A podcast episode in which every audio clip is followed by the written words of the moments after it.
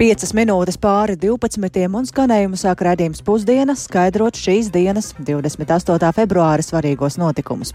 Studijā Dācis Simenoviča esiet sveicināti! Šobrīd sākas valdības sēde, kurā skatīs saimas deputātu komisiju un ministri iesniegtos priekšlikumus šī gada budžeta likuma projektam. Būtiskas izmaiņas un papildu tēriņus gan nav plānots atbalstīt, bet vairāk par iesniegtajiem priekšlikumiem ir interesējies kolēģis Jānis Kincis, kurš šobrīd pievienojas tieši šādai. Sveiks, Jāni, pastāsti par vairāk par šiem priekšlikumiem. Sveika, Dārts, sveicināti klausītāji. Jā, pavisam mazāko daļu, vai apmēram 20 no kopumā apmēram 240 priekšlikumiem saistībā ar valsts budžeta likuma projektu ir iesniegušas ministrijas. Te gan ir vairāk tehniska rakstura priekšlikumi un neparedz tēriņu palielināšanu šā gada budžetā.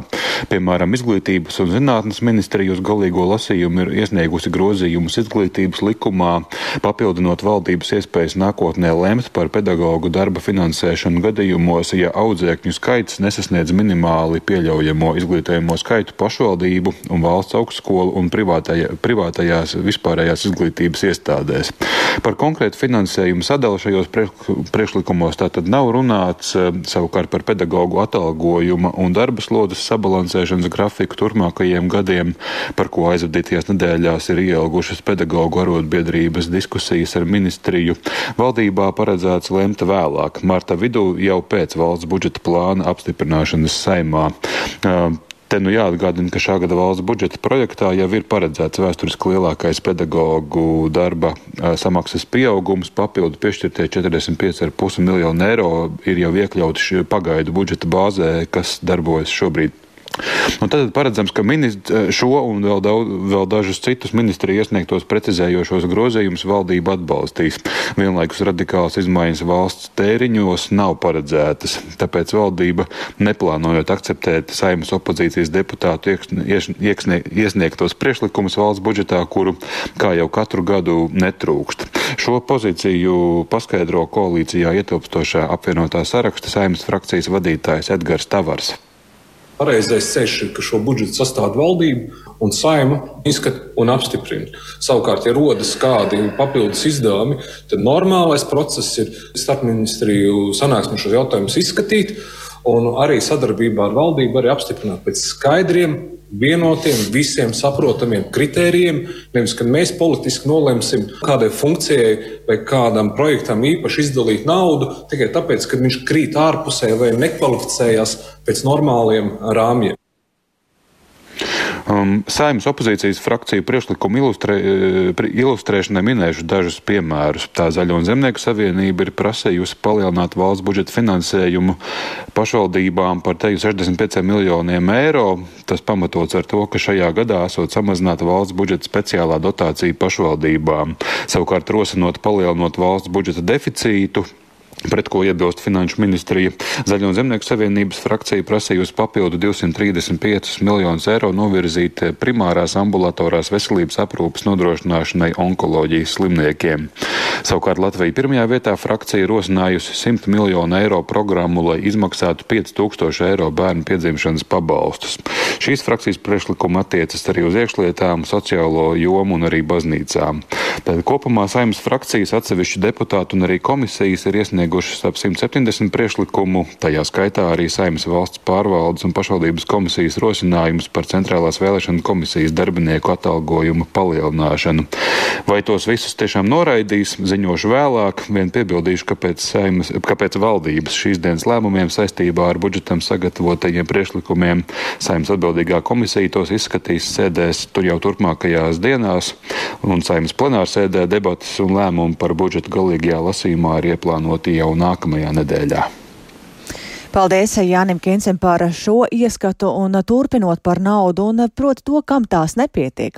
Tad, lai cīnītos par lielākām algām, pirmsskolas izglītības iestādēs pie jūrmals domas šodien piketēja audzinātāji, auklītes, pavāri un arī citi bērnu dārza darbinieki.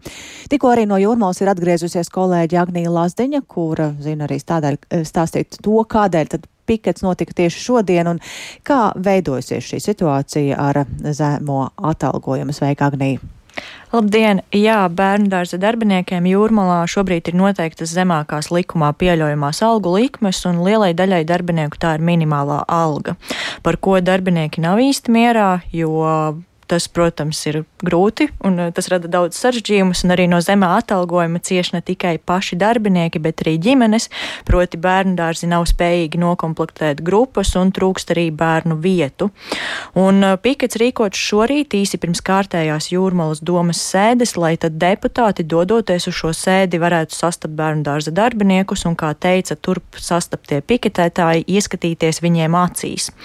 Uz eh, piketu ieradās līdz diviem darbiniekiem no katras jūrmalas, bēr, jūrmalas bērndārza. Tāda vismaz bija tā noruna, lai necieš paši bērni un viņu vecāki ar to, ka pikita dēļ bērndārzā nebūtu iespējams atstāt šo bērnu. Un uh, ieradās diezgan bagātīgs cilvēku pulks, uh, proti tādā ziņā, ka bija gan audzinātājs, gan auklītes, gan pavāri un arī citi tehniskie darbinieki, kur visi kā viens cīnījās par to, lai viņi beidzot tiktu uzklausīti un visi saņemtu šo algas palielinājumu. Liela problēma, kas šiem darbiniekiem sāp, ir tas, ka ja arī reiz tiek solīts palielināt algas, tad lielākoties tās attiecas tikai uz audzinātājām, aizmirstot par pārējiem darbiniekiem, kaut gan, piemēram, auklītes dara tikpat svarīgu un nozīmīgu darbu, un tie pienākumi arī ir visai līdzīgi. Paklausīsimies, ko tad saka paši piketētāji. Es esmu auklīte, skolotāja palīgs. Un skolotāja palīgs arī piedalās mācībās, māca bērnus praktiski to, ko audzinātāji dara. Ja? Vienīgais auklīte atšķirās ar to, ka viņi telpas uzkopi, bet viss pārējais tieši tas pats, kas audzinātājs. Nu, tā alga ir 460 uz rokas. Man ļoti nepatīk tas, ka vienmēr valdība visi skatās tos, ko saņem uz papīra. Jums ir 600, cik tur. Man nav svarīgi, kas ir uz papīra. Uz rokas ir jāskatās uz rokas. Esmu vecāks. Un situācija jūrmalā ir nepieņemama. Vietas pašvaldību dārziņos trūkst. Un izrādās nevis tāpēc, ka trūkst bērnu dārzi, bet trūkst tieši pedagoģu palīgi, kas ir ļoti, ļoti atbildīgs darbs un ļoti, ļoti zemi atalgots jūrmalā. Manuprāt, nepieņemami. Kāpēc nerespektēt tādas profesijas? Esam tehniskais personāls. Mēs mēģināsim, mēs arī iesim prom. Ļoti daudz ies prom. Mums ir apnicis. Mēs darbojamies, mēs lienam no ādas ārā. Godu vārds ikdienu. Mūs nedzird. Jā, lūk, tāds ir piketētāju viedoklis. Bet šī domas sēde jau ir beigusies, vai kaut ko tajā nolēma? Vēl šobrīd nav nolemts, bet uh, deputāti piedāvā palikt uh, pie jau šī brīža esošās sistēmas, kad uh, bērndārza vadītājs pats var palielināt algu uzcītīgākajiem darbiniekiem un arī piedāvā paaugstināt bāzes likmi visiem speciālistiem par kādiem noteiktiem procentiem, piemēram, pavāriem par 4 līdz 6 procentiem. Bet ko tas nozīmē un vai šie darbinieki ir ar to mierā, stāstīšu vēlāk. Paldies Agnijai Lazdiņai, tas tātad par situāciju Jūrmalā, bet jāteic, ka algas bērnu dārzos ir aktuāls jautājums ne tikai Jūrmalā. Rīgā, piemēram, ir izveidojusies situācija, kad par vairāk nekā miljonu eiro rūpniecības ielā ir iekārtots jauns bērnu dārzs, taču tas tā arī nav sācis darbu, jo jau gadu nevar atrast desmit pedagogu. Līdz ar to arī bērnus tas neuzņem, lai gan uz simt vietām rindā jau pat laban ir 400 bērnu. Un varam paklausīties pienākumu izpildītājs Brīgites Makijevskas komentāru, kāpēc šādas situācija ir izveidojusies?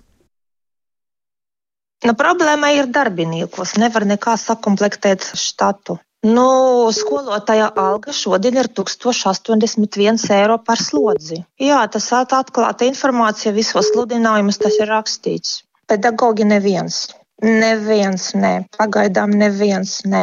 Es nevaru pateikt, kāpēc, jo CV tātad sludinājumi visu laiku likti un skolotājs pieteicās un kaut kā līdz intervijai nenonāk.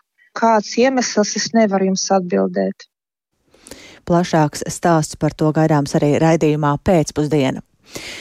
Lai jūra būtu pieejamāka iedzīvotājiem, piekrastes pašvaldībām apdzīvotās vietās būs jāveido papildu gājēju celiņi, kas ved uz jūru. Vīdes ministrijas virzītais likumprojekts paredz, ka pilsētās un ciemos jābūt vismaz diviem gājēju ceļiem uz vienu kilometru.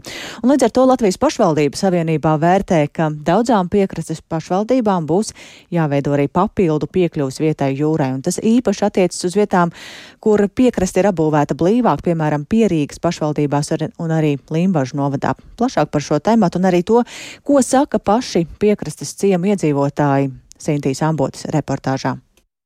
Covid pandēmijas laikā, kad iedzīvotāji vairāk apmeklēja dažādus pastaigu maršrutus, tostarp pludmales, aktualizējies jūras pieejamības jautājums skaidro vidas ministrijā. Pat laban aizsargjos likumā noteikts, ka apdzīvotās vietās gājēju celiņiem, kas ved uz jūru, jābūt ik pēc kilometra, bet šomēnes valdībā apstiprināti grozījumi regulējumā, nosakot, ka pašvaldībām celiņu skaits būs jāpalielina, stāsta ministrijas dabas aizsardzības departamenta direktora Daiga Vilkaste paredzēts, kad ir jānodrošina pilsētās ciemos vismaz ir jābūt diviem gājēju celiņiem uz vienu kilometru, tātad, kur varētu iekļaut jūrai, un ārpus ciemiem nedrīkst atrasties tālāk par vienu kilometru, izņemot, nu, kaut kāds dabisks apstākļus dēļ, ja to nevar nodrošināt. Un par šo piekļuvi ir arī pārejas periods, jo tā kā dēļ administratīvās reformas ir visām pašvaldībām jāizstrādā jaunie teritorijas plānojumi, tad arī šeit paredz to pārejas periodu līdz 25. gada 31. decembrim. Man liekas, ka šeit Bigauņu ciemā pietiek, varbūt Latvijas ciemā tur mazāk. Bigauņu ciemā un Latvijas ciemā satikto iedzīvotāju vērtējums par jūras pieejamību atkarīgs no šo cilvēku dzīves vietas. Tie, kas dzīvo jūras krastā, pārliecināti, ka gājēju celiņu jau šobrīd pietiek, bet tie, kas nedzīvo ciema pašā krastā, pārliecināti, ka pieejamību jāuzlabo. Tas ir stipri par maz, jo tas kilometrs ir ļoti garš. Principā piekļuvēji pie jūras ir jābūt, neskatoties uz to, cik ir citās mājas ir blīvs apgabals privātais ceļš ir tur zīme ķieģelis, bet tur ir, es saku, visas zīmes mēģināts likt, kas ir. Bet, nu, tāpat tā cilvēki nāk un daudz pat atnāk līdz pagalam, ierauga, ka tur ir tālāk tā šķūnīši, tad nobīstās, griežās atpakaļ. Nu, ko tu vispār nāc iekšā jautājums? Bet citreiz gadījies, ka tu ej no, vienkārši no rīta maisa un vāc visu. Tas nepatīk. Ja viņi būtu zolīti cilvēki, lai viņi staigā, nav problēma. Mums jau nav tik launs, tā arī tās mājas, viss tur ragaciemā, bigauņciemā. Tur es zinu, ka tur ir itīgi aiztaisīts, ja viņam jāiet tagad riņķi ir vai nu stopas vai uz Tur jau visādi bigauņciemā, es zinu, ka pastu, ka es braucu tur. Nu jā, tur viss cietīt. Pilnīgi pietiek. Vajag domāt, kur iet un var iziet. Piemēram, piemēram, ja. Biganciem iedzīvotāja Indra, kurai jau šobrīd gar māju ved gājēju celiņš, vēl rāda no garāžas iznestu spaini, kas pilns ar stikla lauskām. Tās pludmalē pēc vasaras sezonas ir gadu salas iedzīvotāji. Latvijas pašvaldības savienības padomniece vides jautājumos Sandra Bērziņa vērtē, ka daudzām piekrastes pašvaldībām būs jāveido papildu gājēju celiņi, īpaši vietās, kur piekrastes apbūve ir blīvāka, kā Pierīgas pašvaldībās un Limbažu novadā. Procesu atvieglošot arī pērn jau grozītie noteikumi par zaudējumiem, kas rodas nodrošinot piekļuvi jūras piekrastes joslē.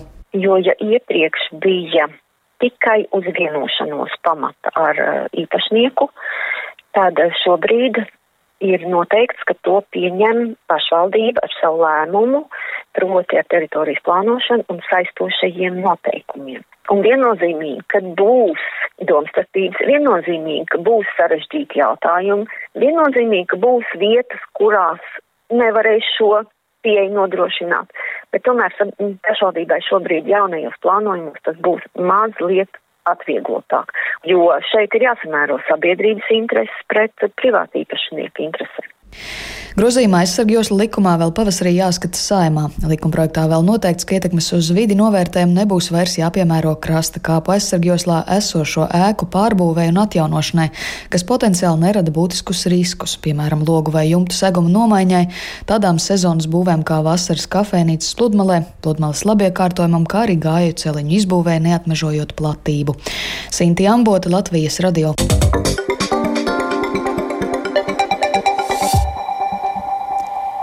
Kā Eiropai vajadzētu atbildēt uz masveida ASV subsīdijām zaļo tehnoloģiju ražotājiem un uz Ķīnas necaurskatāmajām dotācijām saviem uzņēmumiem?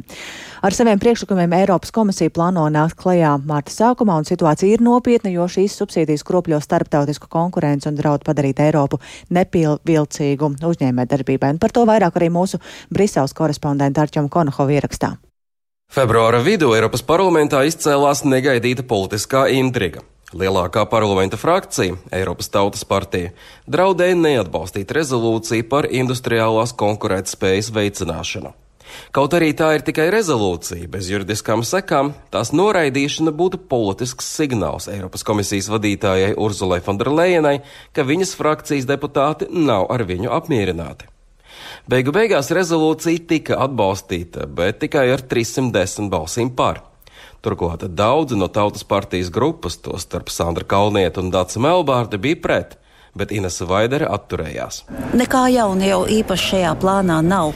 Vaidere uzskata, ka komisijas piedāvātais plāns varētu serīdīt turīgākās un nabadzīgākās valstis jo Vācija un Francija vēlas aktīvāk subsidēt savus ražotājus, bet tādām valstīm kā Latvija tam īsti nav naudas.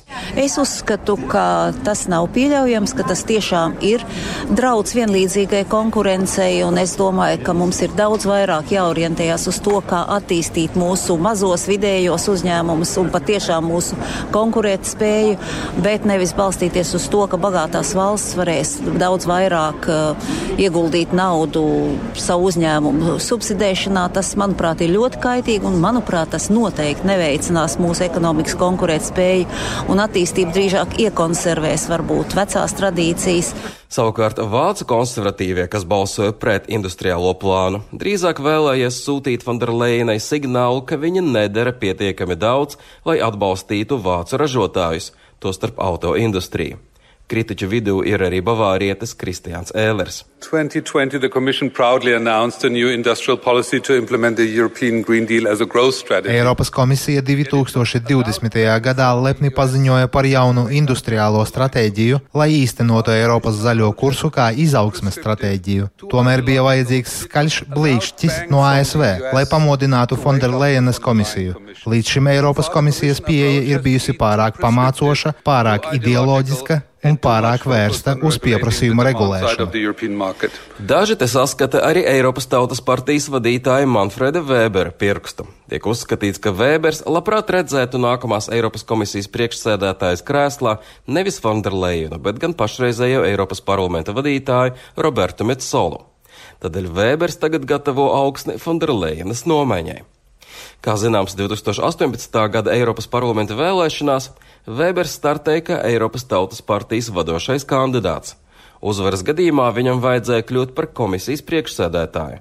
Tomēr valstu līderi pēdējā brīdī šim amatam izvirzīja toreizējo Vācijas aizsardzības ministri Fonderleinu. Tad ir attiecības starp abiem politiķiem joprojām nav vienkāršas. Tomēr pastāv bažas, ka Metsola varētu nebūt pieņemama valstu vadītājiem, un līdz ar to Eiropas Tautas partija pēc nākamgad gaidāmajām vēlēšanām varētu zaudēt Eiropas komisijas vadītāju posteni. Turpretī Fonderlejenai būtu vieglāk palikt uz otro termiņu, jo viņa jau ir pārbaudīta spēlētāja. Arčuns Kanahavs Latvijas Rādio Briselē. Kanāda, sekojot ASV un Eiropas Savienības, piemēram, ir aizliegusi valdības iestāžu darbiniekiem savās darba viedierīcēs izmantot populāro sociālo tīklu TikTok bažās par datu drošību. Rietumvalstīs arvien vairāk pieaug aizdomas par to, ka Ķīnas valdības varētu izmantot eh, TikTok savu interešu īstenošanai, un vairāk par to interesējās Uldis Česberis.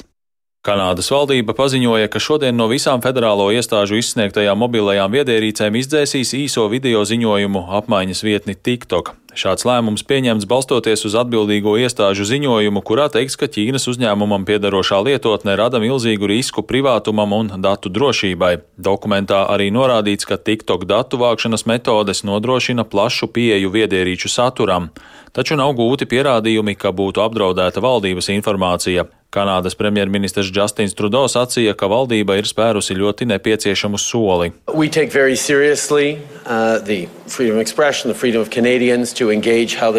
Mēs ļoti nopietni attiecamies pret vārda brīvību un Kanādas iedzīvotāju brīvību tiešsaistē iesaistīties tā, kā viņi vēlas. Taču mums arī ļoti svarīgi principi saistībā ar datu aizsardzību, kurus mēs vienmēr aizstāvēsim. Līdzīgi kā daudzas citas pasaules valstis, arī mēs rūpīgi domājam par to, kā nodrošināt, lai kanādieši būtu pasargāti tiešsaistē. Tāpēc mēs uzskatām, ka ir labāk, ja valdības viedierīcēm nav pieeja TikTok, jo ir bažas par drošību. Trudo piebilda, ka aizliegums neatieksies uz uzņēmumiem un privātpersonām, tomēr viņš mudināja kanādiešus nopietnāk padomāt par savu datu drošību. ASV valdība ir uzdevusi federālajām iestādēm 30 dienu laikā no visām to rīcībā esošajām viedierīcēm izdzēst TikTok lietotni. Tādējādi tiks īstenots ASV kongresa pērn decembrī pieņemtais aizliegums izmantot TikTok lietotni federālo iestāžu viedierīcēs. Aizliegums ir saistīts ar bažām, ka TikTok mātes uzņēmums ByteDance varētu piešķirt Ķīnas spēcdienestiem piekļuvi sociālā tīkla lietotāju datiem. Vairāki kongresa locekļi vēlas panākt pilnīgu TikTok aizliegumu ASV, kur sociālo tīklu lieto aptuveni 60 miljoni cilvēku. Arī Eiropas komisija šomēnes aizliedza TikTok lietotnes izmantošanu saviem darbiniekiem piešķirtajās viedierīcēs bažās par datu aizsardzību. Uldis Česberis, Latvijas radio. Šo tēmatu noteikti turpināsim arī raidījumā pēcpusdienā, skaidrojot plašāk un to, ar ko ir jārēķinās arī mums.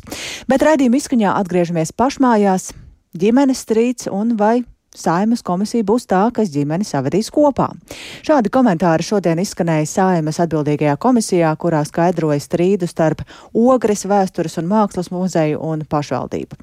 Vai šo strīdu var un vajag atrisināt ar grozījumiem likumā, to vaicāšu kolēģei Lindai Spundiņai, kura seko līdzi sēdai, bet šobrīd jau pievienosies studijā. Sveika, Linda! Tad kādi secinājumi pēc komisijas sēdes? Sveika, Dārsa! Labdien, klausītāji! Jā, liela daļa no komisijas sēdes aizņēma tieši abu pušu uzklausīšana, kāpēc ir radies strīds. Pat tika meklēti vainīgie strīdā, taču jāteic, ka raganu medības nenotika.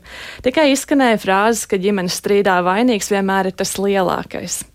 Salīdzinājumi ar ģimenes strīdu bija dzirdami visu laiku. Man gan vairāk atgādināja tādu kā divu skolas biedru izsaukšanu pie direktora. Reizēm arī man radās sajūta, ka komisijas sēdē tā arī neko, komisijas sēde tieši ar neko nebeigsies. Es nedaudz ieskicēšu pašu kontekstu strīdam, kādēļ tas ir vispār radies, un tas ir arī raisījis plašu rezonanci. Arī tiesības sargs pēc sācis savu ekspertīzi, jo Ogres vēstures un mākslas muzejs norāda, ka jūtas tiesiski neaizsargāts. Tātad strīds ir starp Ogres pašvaldību un Ogres vēstures un mākslas muzeju. Konfliktam ir plašs konteksts, un katra no iesaistītajām pusēm notikušo skaidrot citādāk. Bet strīda būtība ir tāda, ka muzejs iebilda Ogres mēra Egīla Helmeņa no Nacionālās apvienības Savienības rosinātajiem sankcijām pakļautā Pjotra Avena porcelāna kolekcijas izstādē. Arī sabiedrība nosodīja šādas izstādes veidošanu Ukrainas kara laikā, un šo izstādi muzejs februārī tā arī neatvēra. Pēc šī soļa tā arī norādīja muzeja darbinieki, ka saukšās pašvaldības sankcijas pret muzeju un muzeja telpām un citām vietām tika pārceltas plānotie pasākumi un notika plaša vēršanās tieši pret muzeju. Tādēļ strīdā iesaistījās arī Saimnes izglītības kultūras un zinātnes komisija, skaidrojot, vai šādas sankcijas var izskaust ar kādiem likuma grozījumiem, jo jāatcerās, ka mākslas cenzūras gadījumi un konflikti muzejiem ar pašvaldībām ir bijuši, un vēl pat nesen bija Daugopils gadījums. Un aicinu paklausīties Ogres vēstures un mākslas muzeja vadītājas Evijas Smiltnieces piedāvājumu, ko tad likumdevējs varētu risināt. Tās galvenās problēmas, tātad pirmā, kas būtu jārisina, ir savlaicīga muzeja plāna saskaņošana. Tātad, lai nenotiek tā, ka iesniegts ir ļoti savlaicīgi un jautājumi rodās tikai īsi pirms budžeta apstiprināšanas. Plānu saskaņošana plašākā lokā, nevis vienpersoniski vai divpersoniski, bet iesaistoties muzejam un ņemot vērā muzeja argumentāciju. Un trešais - robeža noteikšana pašvaldības iespējai iejaukties noteikt muzeja satirisko darbu. Tikmēr atsevišķi deputāti pat izteicās, ka šis jautājums tikai tērē komisijas laiku, jo, ja ir sūdzības pašvaldības iestādē par pašvaldības darbu, tad tas jārisina pašvaldību ministrijai. Tikmēr varam pārstāvis sacīja, ka šajā strīdā normatīvie akti nav pārkāpti, tādēļ ministrija nevar iesaistīties. Tad ko šajā situācijā varam darīt? Kāds ir tālākais risinājums? Jā, jāteic, ka jau strīdu mēģināja risināt piekdienā, kad kultūras ministrs sasauca muzeja padomas ārkārtas sēdi, un tad muzeja padoma lēma izstrādāt priekšlikumus grozījumiem muzeja likumā, kas stiprinātu muzeja autonomiju, to pamatdarbību, pētniecības un krājuma veidošanu. Varam paklausīties kultūras ministrijas parlamentārā sekretāra Ritvera Jansona sacītajā. Arī muzeja likumā būtu jānosaka muzeja neatkarības tiesības attiecībā uz krājumu politiku un aizliegumu ierobežot ar politiskiem, ideoloģiskiem vai reliģiskiem motīviem. Būtu jāpapildina jau esošās muzeja padomas kompetences, paredzēt šajā padomē iespējas abām pusēm, arī muzeja direktoriem, strīdus situācijās lūgt muzeja padomas atzinumu Un trešais tāds moments, kas varētu būt eh, paredzēt, ka gadījumos, ja muzeja direktora atbrīvošana nenotiek apusēji vienojoties vai pēc muzeja vadītāja brīvas gribas, attiecīgā pašvaldība konsultējas ar muzeja padomu. Tad, jā, pēc sēdes tika secināts, ka ir jāiesaistās kultūras ministrijai sadarbībā ar nozaru ekspertiem un jādomā par to, ko tad tālāk varētu darīt ar šo gadījumu un citiem līdzīgiem. Un jāteic, ka tas tik drīz tomēr arī nebūs. Paldies Lindai Spundiņai, un ar to arī izskan raidījums pusdiena. Producente Ilza Aginta ierakstus montēja Uldis Grīnbergs par labskaņu rūpējās Kārlis Rašmanis un ar jums sarunājās Dācis Simenoviča.